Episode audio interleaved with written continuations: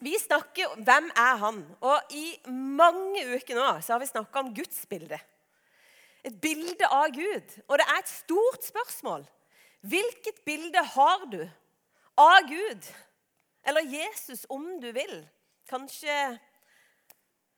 kanskje er det viktig for deg å på en måte differensiere de to begrepene, eller navnene Gud og Jesus. Vi stapper han inn i guddommen. Men hvilke bilder har du? For det bildet du har av Gud, det kommer til å påvirke livet ditt resten. Resten av din levetid. Det kommer til å påvirke alle valgene du tar. Det bildet du har av Gud. Og I psykologien så bruker de begrepet gudsbilde. Og så sier de faktisk at alle har det. Om de tror eller ikke. Alle har et gudsbilde. For vi har en slags forestilling av hvem Gud er. I det indre teateret så fins det en Gud om du tror på han eller ikke, om det er bare et bilde av hvem du tenker at de andre tror på Hvem vet? I gudsbildet ligger all erfaring du har med Gud. Alt du har hørt om han. Der ligger masse erfaring som vi har med familien vår. Ikke sant? Når Gud blir presentert som far. Jeg jobbet, For mange år siden så jobba jeg i, rus, eh, i rusomsorgen. og Da husker jeg det var en som sa 'Jeg vil ikke ha noen Gud som er far', sa han. For hans erfaring var ikke noe god. Alt det vi har med oss, er med på å tegne et bilde av hvem Gud er. Og eh, det bildet vi har av Gud, det styrer faktisk hvilke forventninger vi har til ham. Mm. Er han død, eller er han levende? Det er klart Jeg har forskjellige forventninger til en som er død, og en som er levende. Det er ganske forskjell, faktisk. Og Vi har gått igjennom eh, en historie i mange uker. og Hvis du er sånn at du driver og hører på podkast, så kan du faktisk laste ned talene. Vi har snakka om Emmaus-vandrerne, og de sin store oppdagelse det var jo nettopp det, for de kom der rett etter Golgata. Jesus har dødd på korset. Så er liksom den store oppdagelsen, for de går og snakker, de er på, i ferd med å forlate åstedet. ikke sant? Jesus er død. Hva skjedde? Poff, der er han sammen med dem og går på veien sammen med dem. Og da forandrer jo bildet de sitt seg ganske kraftig. For plutselig er han ikke den døde. Han er den levende. Kort fortalt så endrer jo det hele livet de sitt. Opplevelsen av hvem vi tror Gud er. Bildene våre trenger stadig en korreksjon. Og Jeg har bare lyst til å begynne med å si at jeg har måttet korrigere mitt gudsbilde ganske mange ganger. Hvis du, hvis du har det sånn at du tenker ja, nei, jeg tror jeg har et rimelig greit bilde.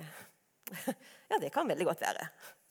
Det kan jo være at du sitter her og så tenker du, det er sikkert meg det er sikkert meg som er feil bilde. jeg har bare lyst til å si at ingen har et fullstendig bilde av Gud. Det er alltid noe mer å oppdage, og det er alltid noe å justere. Jeg har opplevd det ganske kraftig noen ganger i mitt liv.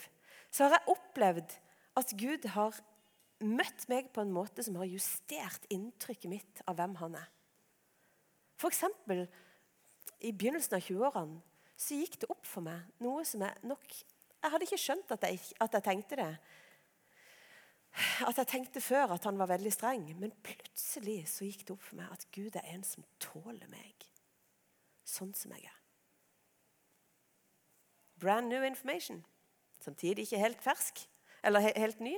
Men jeg trengte å få justert bildet av hva Gud tåler. Hvordan skal vi justere bildene våre av, eh, av hvem Gud er? Hva skal vi gjøre? Vi har liksom kommet dit i serien at nå må vi snakke om hvordan. Hva skal vi gjøre for noe? Hva i verden skal vi gjøre for noe med gudsbildene våre? Og det kan det være at du kjenner litt sånn, å, nå skal hun sikkert si at jeg må lese masse i Bibelen. Det er sikkert det hun skal si. Ja, selvfølgelig. Nei da. Jeg har lyst til å si en ting, og det er at eh, jeg tror at Bibelen er viktig. Jeg tror at Bibelen er Guds ord. Det er ikke bare en sånn dokumentsammenfatning eh, eh, i papirform, ikke sant? hvor det bare er masse historie som i et annet arkiv. Jeg tror at Bibelen er Guds ord. Jeg tror det er levende fordi at Gud har han har, han, har, han har, initiert det. Han har blåst sitt liv inn i de fortellingene. Derfor tror jeg at, at, Bibelen det er en bok som kan forandre. Derfor gir vi jo Bibelen og ikke en annen bok til disse barna. ikke sant?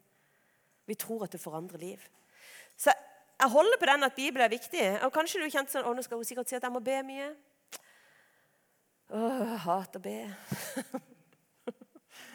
ja. Jeg syns at både Bibel og bønn er viktig i denne oppskriften. Men jeg skal begynne et annet sted. Det vil si, ikke helt annet, men jeg skal til Bibelen. Og Sist gang vi hadde gudstjeneste, så hadde jeg en håndsopprekning. Folk måtte rekke opp hånda når de begynte å kjede seg. Eh, eller de måtte sette hånda på hodet. Det var, alle, det var barn òg til stede på dette møtet. da. Så måtte de ta hendene på hodet når de begynte å kjede seg mens jeg leste fra Bibelen. Det kom ganske kjapt.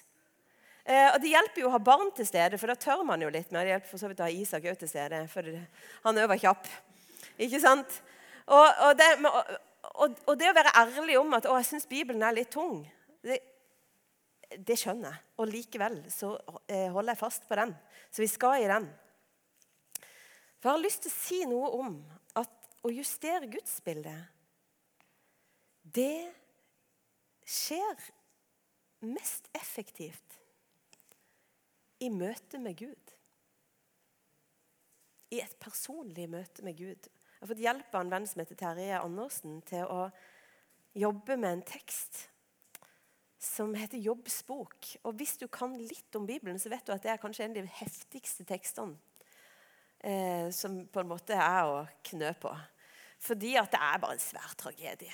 Og hvis du syns det passer dårlig på en dåpsdag, så, så, skjønner jeg tanken. Men det er noe lys her i historien.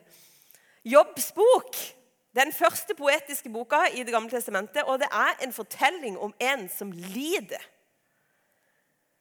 Helt forferdelig lider han. Og på en måte så er det sånn at den fortellinga handler på en spesiell måte om hvorfor en rettferdig person må lide hvis Gud er god. Stort spørsmål. Mm -hmm. Historien begynner med å beskrive jobb som en rettferdig og gudfryktig mann. Jobb er en mann som lever. Han lever godt. og det står, altså Hvis du leser Jobbs bok, så leser du at han er en som gir til de fattige. Han tar vare på enker og farløse. Han holder ikke tilbake når noen lider. Han hjelper dem. Han har en relasjon til Gud. Han ber, han ber for barna sine når de driver og fester. Så blir han bekymra for at de kanskje har gjort noe galt, så driver han og legger seg i bønn for dem. Sånn har Jobb det. Han beskrives som en rettferdig og gudfryktig mann. Og så er det en litt sånn merkelig historie i begynnelsen. For her dukker ordet Satan opp. Ikke så ofte vi bruker det fra talerstolen. Vi bruker mye ordet kjærlighet. Da hiver det opp. Ordet Satan, det betyr anklageren. Det er, det er egentlig det ordet betyr. Ikke et navn. Det er et begrep. Anklageren. Han dukker opp innenfor himmelen i himmelen innenfor Gud.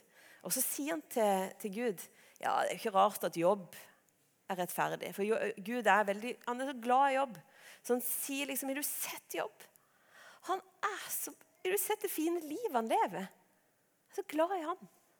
Og så er Satan litt på Han er jo en anklager, da, så han er litt sånn Ja, det er ikke rart at han eh, ikke rart at han er på de sider, eller at han er good med deg og, og driver og takker og alt det der. Er, du har jo velsigna han. Du er jo Gud som velsigner. Du har jo velsigna han. Så det er jo ikke rart at han har det bra. ikke sant? Det er jo sånn man kan tenke. Det er jo ikke rart at de i kirka driver og roper halleluja. Det ser så perfekt ut. Sånn er det jo ikke. Og så er Gud litt uenig med Satan. da. Og Så tillater han faktisk, så sier han nei, jobb er bra fordi at jobb er bra. Ikke fordi at jeg har gjort så mye godt med han. Jobb sitt hjerte er godt fordi at det er godt. Og så er Det faktisk, det er veldig masse spørsmål her. Jeg har ikke tenkt å gi deg alle svar, men faktisk er det sånn at Gud sier til Satan at ja, du kan prøve jobb. Du kan prøve han. Og så skjer det noe som er helt forferdelig. Og det er at Satan, eller anklageren, han herjer med jobb sitt liv. Og det er bare, Før vi går videre, så har jeg lyst til å si, bare sånn at vi vet tydelig hvem det er som velsigner, og hvem det er som herjer. Det er Gud, og så er det noen andre krefter. Og Disse kreftene de er igangsatt av han som blir kalt for Satan, anklageren. Og Han herjer så hardt med jobb. All buskapen dør. Han har tusenvis av kveg. Det bare puff, dør.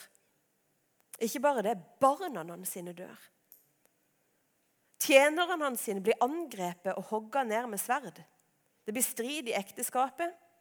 Og sjøl blir Jobb slått av en byllepest. Jeg skjønner at det ikke er oppmuntrende foreløpig, men hang in there.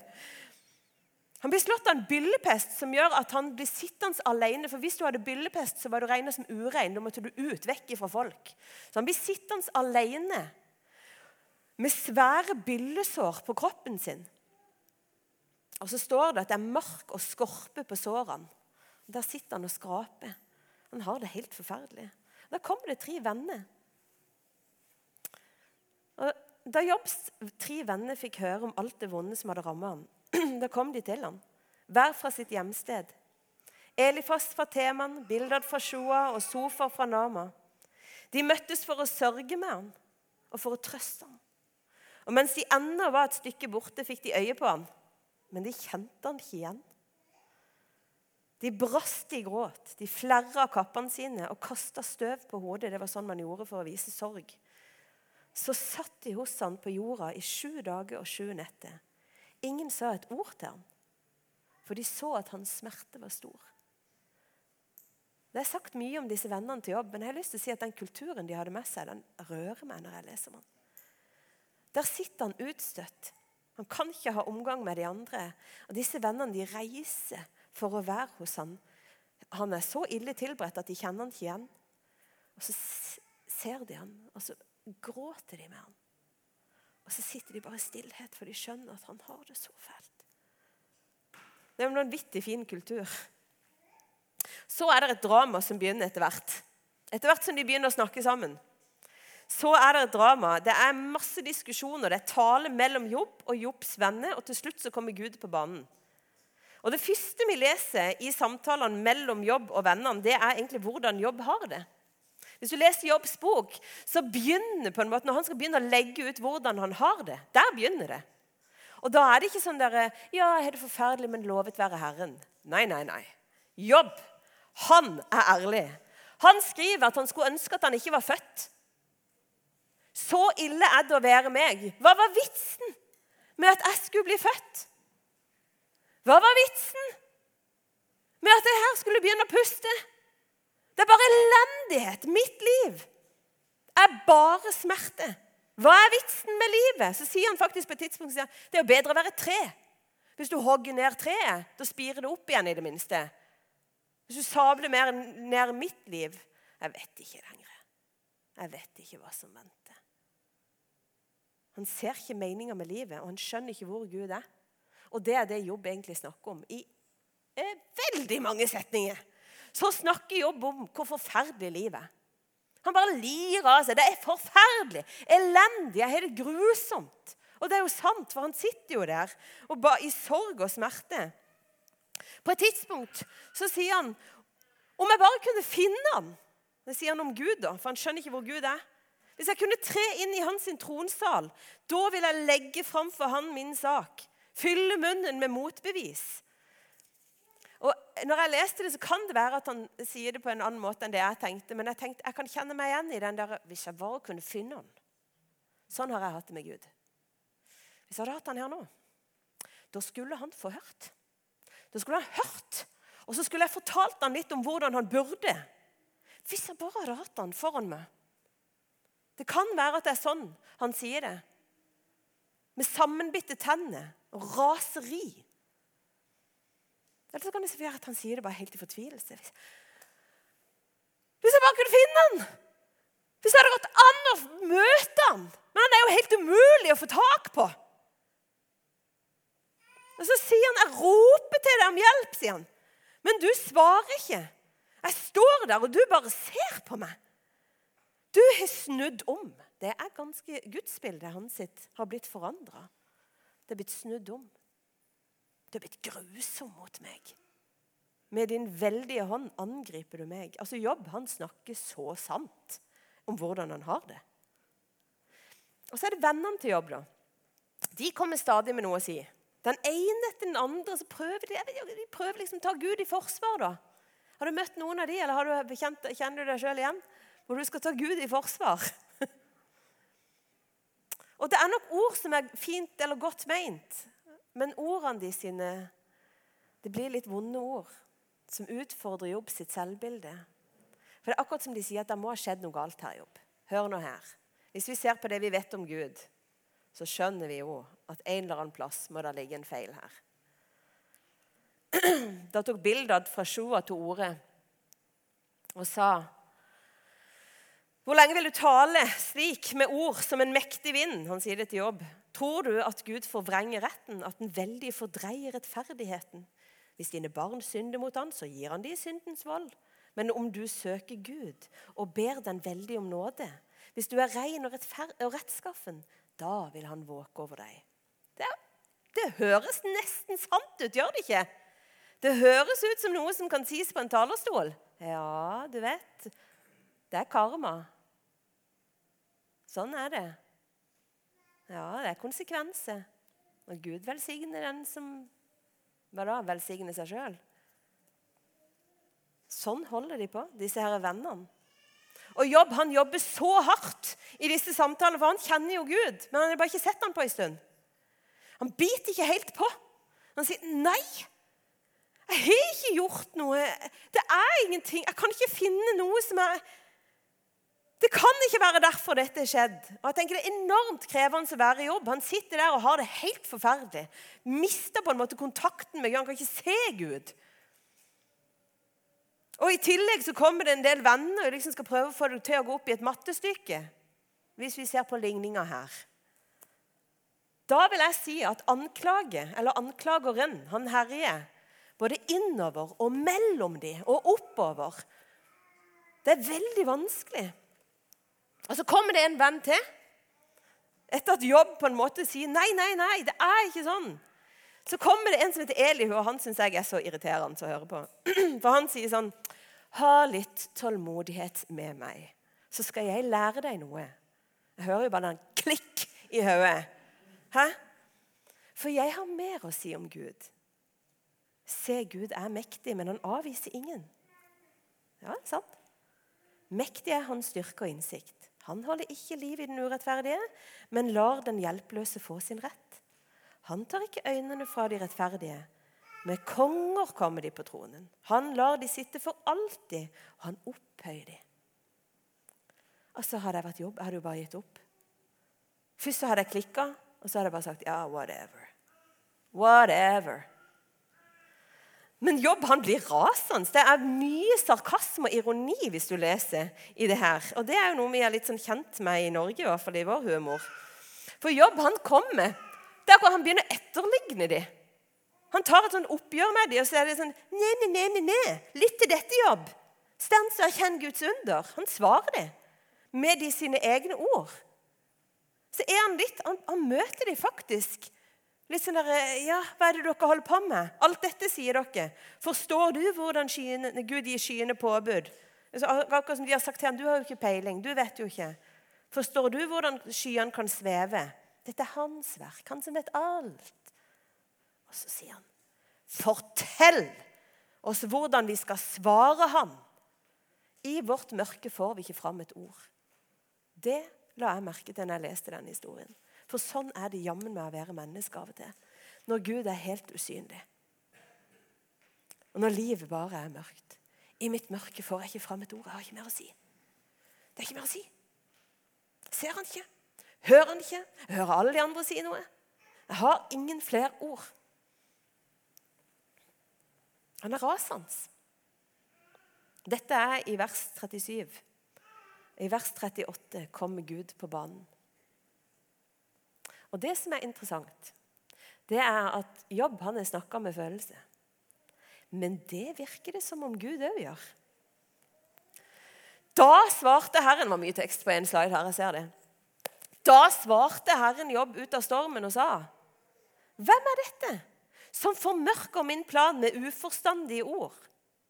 'Spenn beltet om livet som en mann.' Så vil jeg spørre deg, og du skal svare, 'Hvor var du når jeg grunnla jorda?' Fortell det hvis du vet det.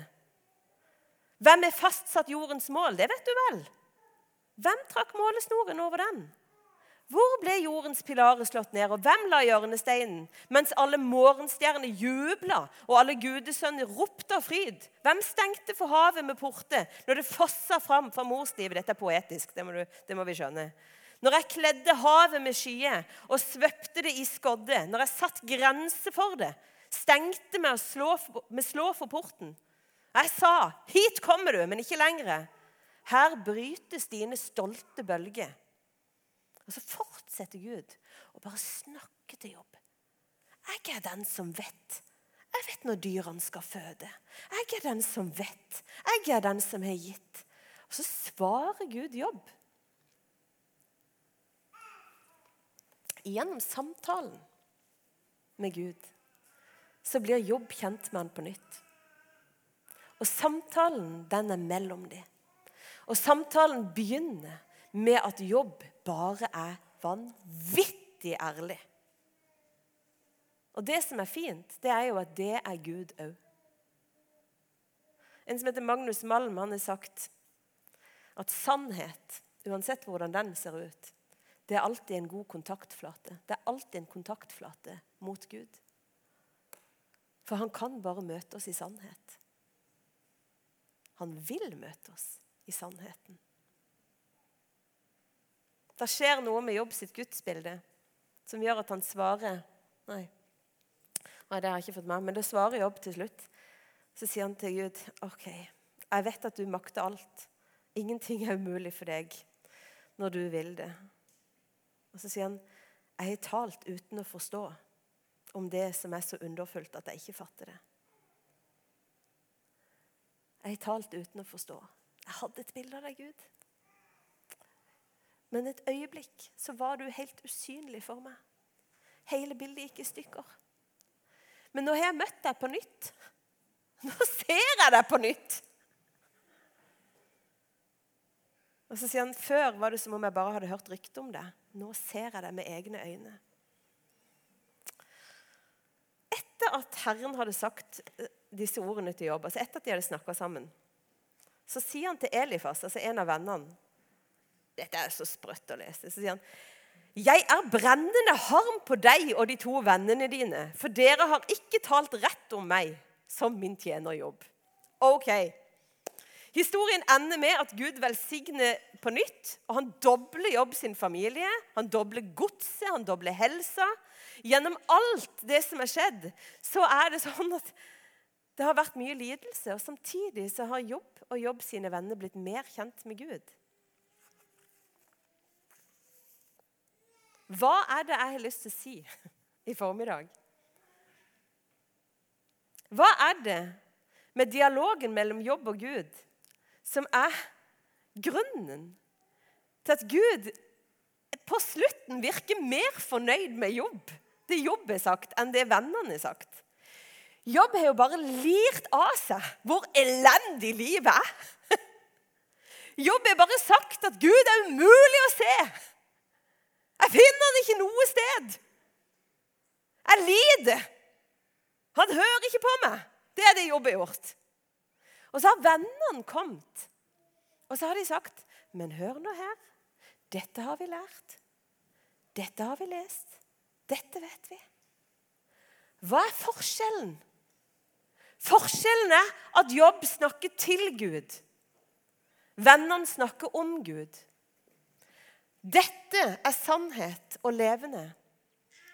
Dette er faktisk bare teori. Ingen av de gudsbildene er fullstendige. Men her kan Gud møte. Her er det sannhet. Og jeg tror at det er sånn at Gud mye heller vil ha sannheten ifra mitt hjerte, hva enn det skulle være. Jeg syns Gud er vanskelig å få tak på. Jeg er irritert på han for noen bønnesvar jeg ikke har fått. Kanskje sannheten er at Gud Jeg vet ikke engang om du lever. Jeg vet ikke engang om du fins. Det er sant! Hvis det er sånn det føles, så er det jo det som er sant. Da er det det som er bønnen. Da er det det som er kontaktflata som Gud kan møte. Alle de der eh, ideene Det som er tingene, er at det er masse bra teologi i det de kommer med. Men det er, ikke, det er samtidig ikke helt riktig. De lager et slags mattestykke av det de har lært. Jobb, han er bare ærlig. Og det som er fint, synes jeg, det er at når Gud svarer jobb, så er han òg til stede med følelse. Det er ekte, det her. Det er ekte. Hva skal vi? Skal vi slutte med læresetninger? Skal vi slutte med teologi? Nei, det tror jeg ikke. Det tror jeg virkelig ikke. Terje Andersen han har sagt at jeg tror ikke at det er et poeng at korrekt teologi er irrelevant for Gud. Men jeg tror det er et poeng å være til stede i relasjonen til Gud før det å ha all teologien på stell. Her er vi utfordra. Hvis, eh, hvis, du vil eh, at det skal skje noe med det bildet du har av Gud, da må du snakke sant om hva, hva det bildet du har nå, hva det er. Må du snakke med ham. Må du faktisk være ærlig. Og så er det jo sånn at eh, hvis han er den han sier seg å være, da, i Bibelen, Guds ord Hvis han er levende, hvis han er den oppstandende, da er han den som møter oss. Da er han den som tar vår sannhet på alvor og møter oss i vår nød, i vår vantro. Han er den som møter oss i sannheten om hvem vi er.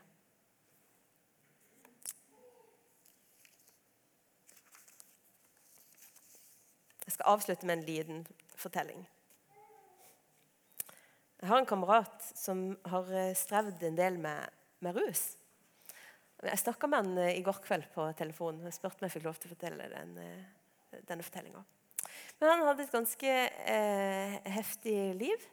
Og så eh, hadde det tårna seg opp da, eh, gjennom noen år hvor det hadde vært masse dritt. Så ender det opp med at han er eh, Han blir kasta ut fra der hvor han bor. Og han eh, går og bo, Han, han eh, har ingen bolig, så han bor på gata i noen dager. Han har et dyr i bur. Det gjør jo ting mindre hyggelig. altså Allerede kjipt liv, enda kjipere. Eh, og så traff jeg han, og så har vi en såpass relasjon at, eh, at han fikk bo hos meg eh, noen dager. Og så, mens han satt der Det første som skjedde idet han kom inn og ble varm, det var rett og slett at han begynte å Han var rasende. Eh, dette er en venn som har lært meg masse om tro. Og han hadde bedt til Gud i all sin lidelse. Og Nå satt han der, og han var skitten, og han hadde masse sår i ansiktet og på armene sine. Det er jo delvis selvforskyldt. ikke sant? Jeg skal ikke sidestille han og jobb. Men likevel så var det så mye lidelse. Og dette dyret dette, det var helt forferdelig. Og da er han så rasende. Og så sier han nå av det Og så bruker han masse ord som begynner på F og J og H. Han bare lir bare sånn Nå er det nok! Jeg er ferdig med Gud. Og han bare gir meg Han, han tar det ut til meg, så jeg står der og sånn Du får bare prelle av. Han bare så rasende. Orker ikke mer. Det er faktisk slutt. Jeg har bedt og bedt på mine knær i all min lidelse. Nå er det slutt. Jeg skal ikke ha mer med han å gjøre. Og så øser han ut. Og det var så heftig at det var nesten vanskelig for meg å være i rommet, for han bare jeg har det sånn. Og Gud er ikke god nok. Og Så snakka vi sammen i går, for ifra den dagen så skjedde det en endring i livet hans. sitt.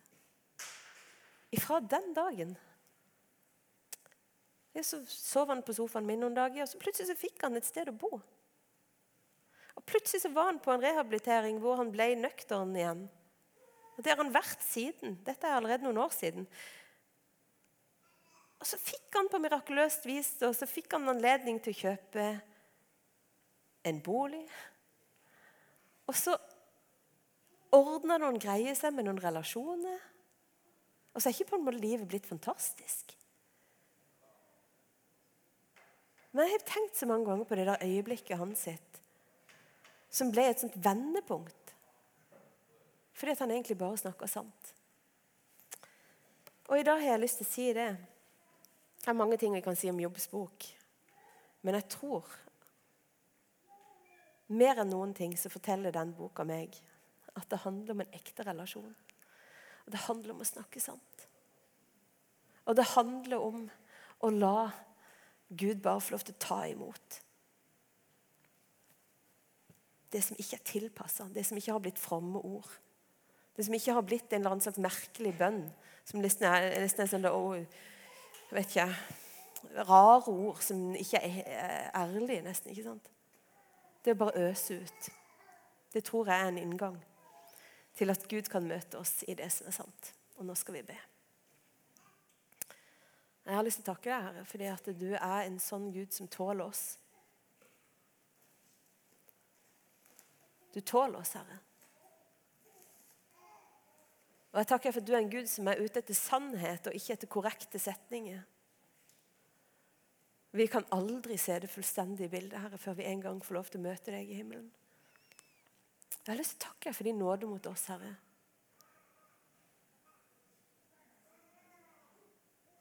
Takk for din nåde mot oss, Herre, at vi får lov til å snakke helt sant.